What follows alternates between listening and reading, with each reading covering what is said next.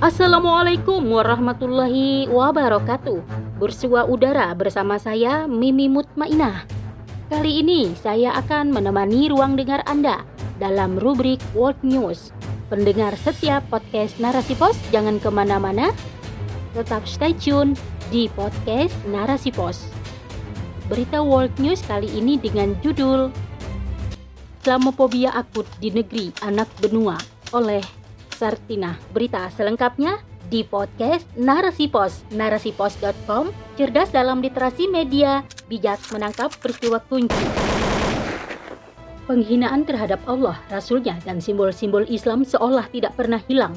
Kali ini penghinaan terhadap Nabi Muhammad Shallallahu Alaihi Wasallam kembali mengemuka untuk kesekian kalinya di tanah Bollywood. Nupur Salma, seorang politisi India yang kini tengah ramai diperbincangkan di berbagai sosial media.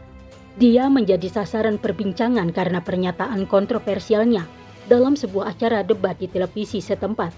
Nupur Salma dinilai telah menghina Nabi Muhammad Shallallahu Alaihi Wasallam. Dalam acara debat di media Time Now, Sarma disebut telah mengolok-ngolok Al-Quran. Dia menyamakannya dengan bumi itu datar Selain itu, dia juga menghina panutan terbaik umat Islam yakni Nabi Muhammad Shallallahu Alaihi Wasallam. Hal tersebut terkait pernikahannya dengan Aisyah saat masih muda belia.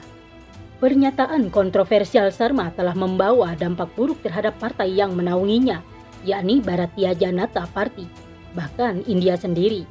Di antara dampak tersebut adalah pertama adanya badai diplomatik internasional Hal ini ditandai dengan adanya protes keras dari dunia internasional, terutama negara-negara Muslim, mulai dari Kuwait, Qatar, Pakistan, dan negara Arab.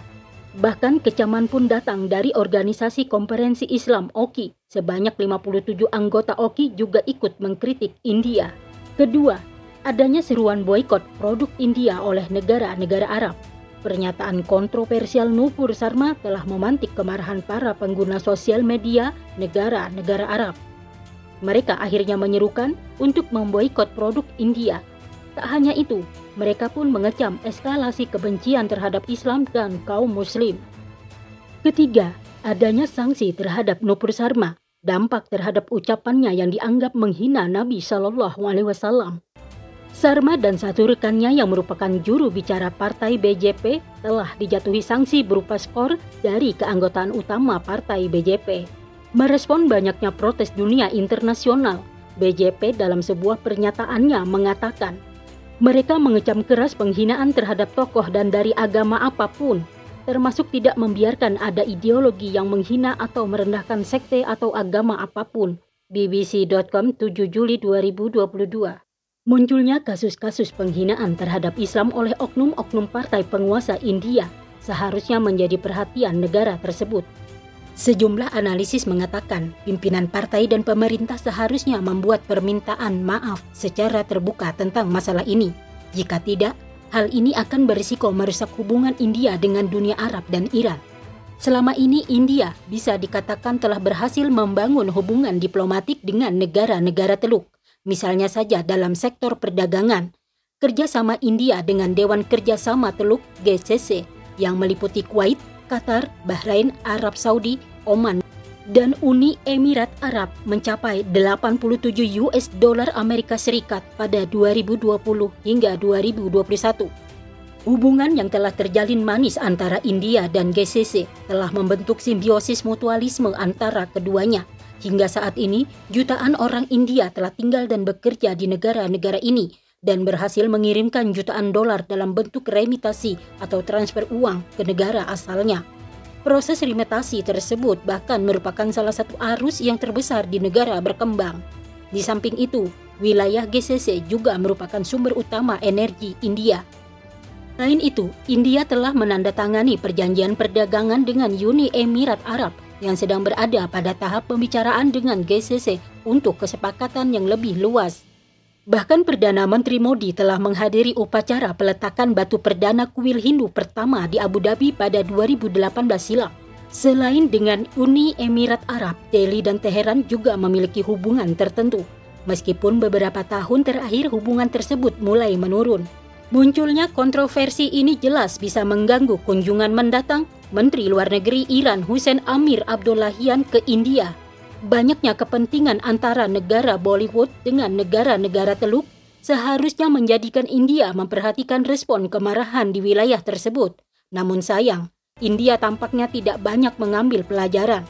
Kekerasan dan penghinaan terhadap Islam justru terus mengalami eskalasi dari tahun ke tahun di tengah semakin mesranya hubungan dengan penguasa-penguasa Muslim.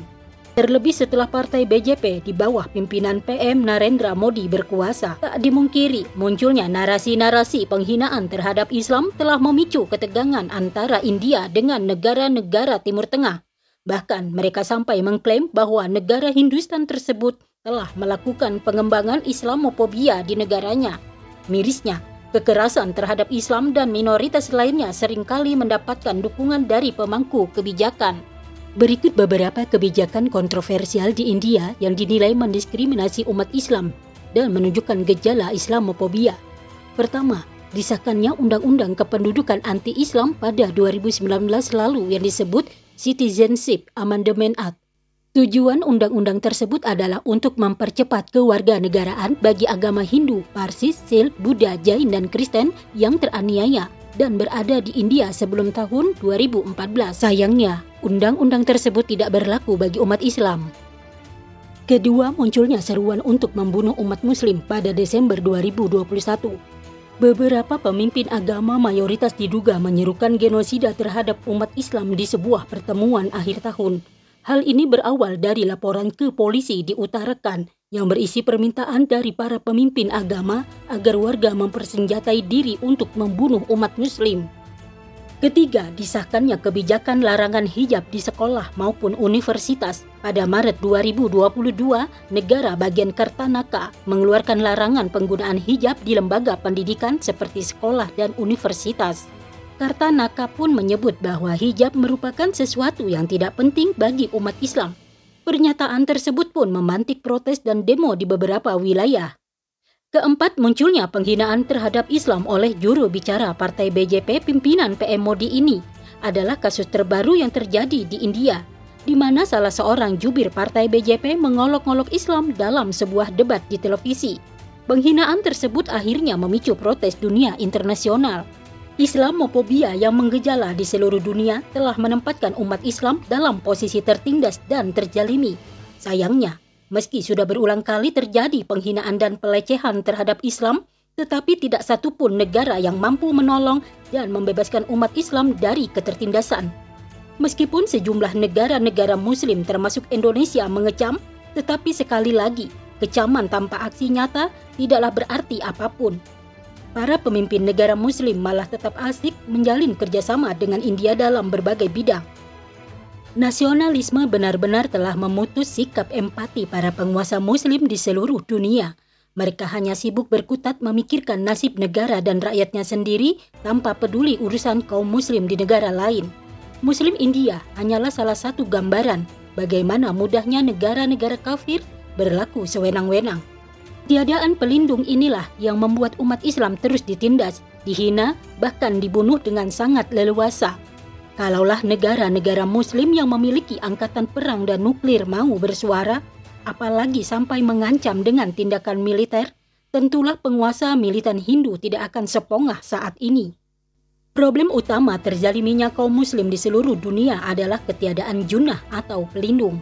Setelah runtuhnya daulah Islam, umat muslim tidak lagi memiliki institusi politik adidaya yang disegani dunia, yakni khilafah sebab hanya khilafahlah yang mampu menyatukan umat Islam di seluruh dunia dan membela kehormatan setiap muslim yang dijalimi. Khilafah adalah satu-satunya junah yang melindungi umat Islam. Rasulullah Shallallahu alaihi wasallam bersabda dalam sebuah hadis yang diriwayatkan oleh Bukhari dan Muslim, sesungguhnya seorang imam itu laksana perisai. Dia akan dijadikan perisai di mana orang berperang dan di belakangnya dan digunakan sebagai tameng. Umat Muslim India butuh pemimpin-pemimpin gagah perkasa yang berani membela kehormatan Islam dan umatnya. Seperti hebatnya Panglima Perang pada masa kekhilafahan Al-Walid bin Abdul Malik, yakni Panglima Muhammad bin Al-Qasim. Beliau diutus khalifah untuk menyebarluaskan dakwah Islam ke India, melakukan futuhat, juga memberi pelajaran kepada siapa pun yang mengganggu umat Islam. Seperti pada tahun 90 Hijriah di mana 12 kapal yang mengangkut barang-barang dagangan dirampok. Para pedagang dan kaum wanita pun ditangkap oleh perompak di wilayah Sin. Kemudian Panglima Muhammad bin Al-Qasim memerangi dan mengalahkan pasukan Raja Dahir Sen. Ibu kota Sin pun ditaklukkan oleh kaum muslim. Saat Islam menguasai India, kondisinya benar-benar luar biasa. Rakyat India banyak yang mendapatkan hidayah dan berbondong-bondong masuk Islam. Mereka merasakan bagaimana keadilan Islam dan hukum-hukumnya mereka pun bisa leluasa beribadah sesuai dengan keyakinannya. Hal ini tentu saja bertolak belakang saat negara kafir yang menguasai kaum muslim. Namun, kondisi luar biasa tersebut berakhir setelah keruntuhan khilafah 101 tahun silam. Tidak ada lagi institusi yang secara politik memengaruhi konstelasi internasional yang memihak umat Islam. Semua berakhir bersama dengan keruntuhannya pada 3 Maret 1924. Keruntuhan ini sekaligus membuat umat Islam kehilangan institusi yang menerapkan syariat Islam secara kafah dan menyatukan umat Islam di seluruh dunia. Jejak-jejak Islamofobia terus membayangi umat Islam di mana pun. Kekhawatiran akan hilangnya rasa aman nyaris terjadi di setiap negara dengan minoritas Muslim. Sejatinya, Islamofobia hanya mampu dibendung jika sang junah kembali tegak di muka bumi. Karena itu, sudah saatnya setiap Muslim berjuang menegakkannya kembali agar harta, jiwa, dan kemuliaan kaum muslim tidak diacak-acak oleh bangsa lain. Wallahu alam bisawab.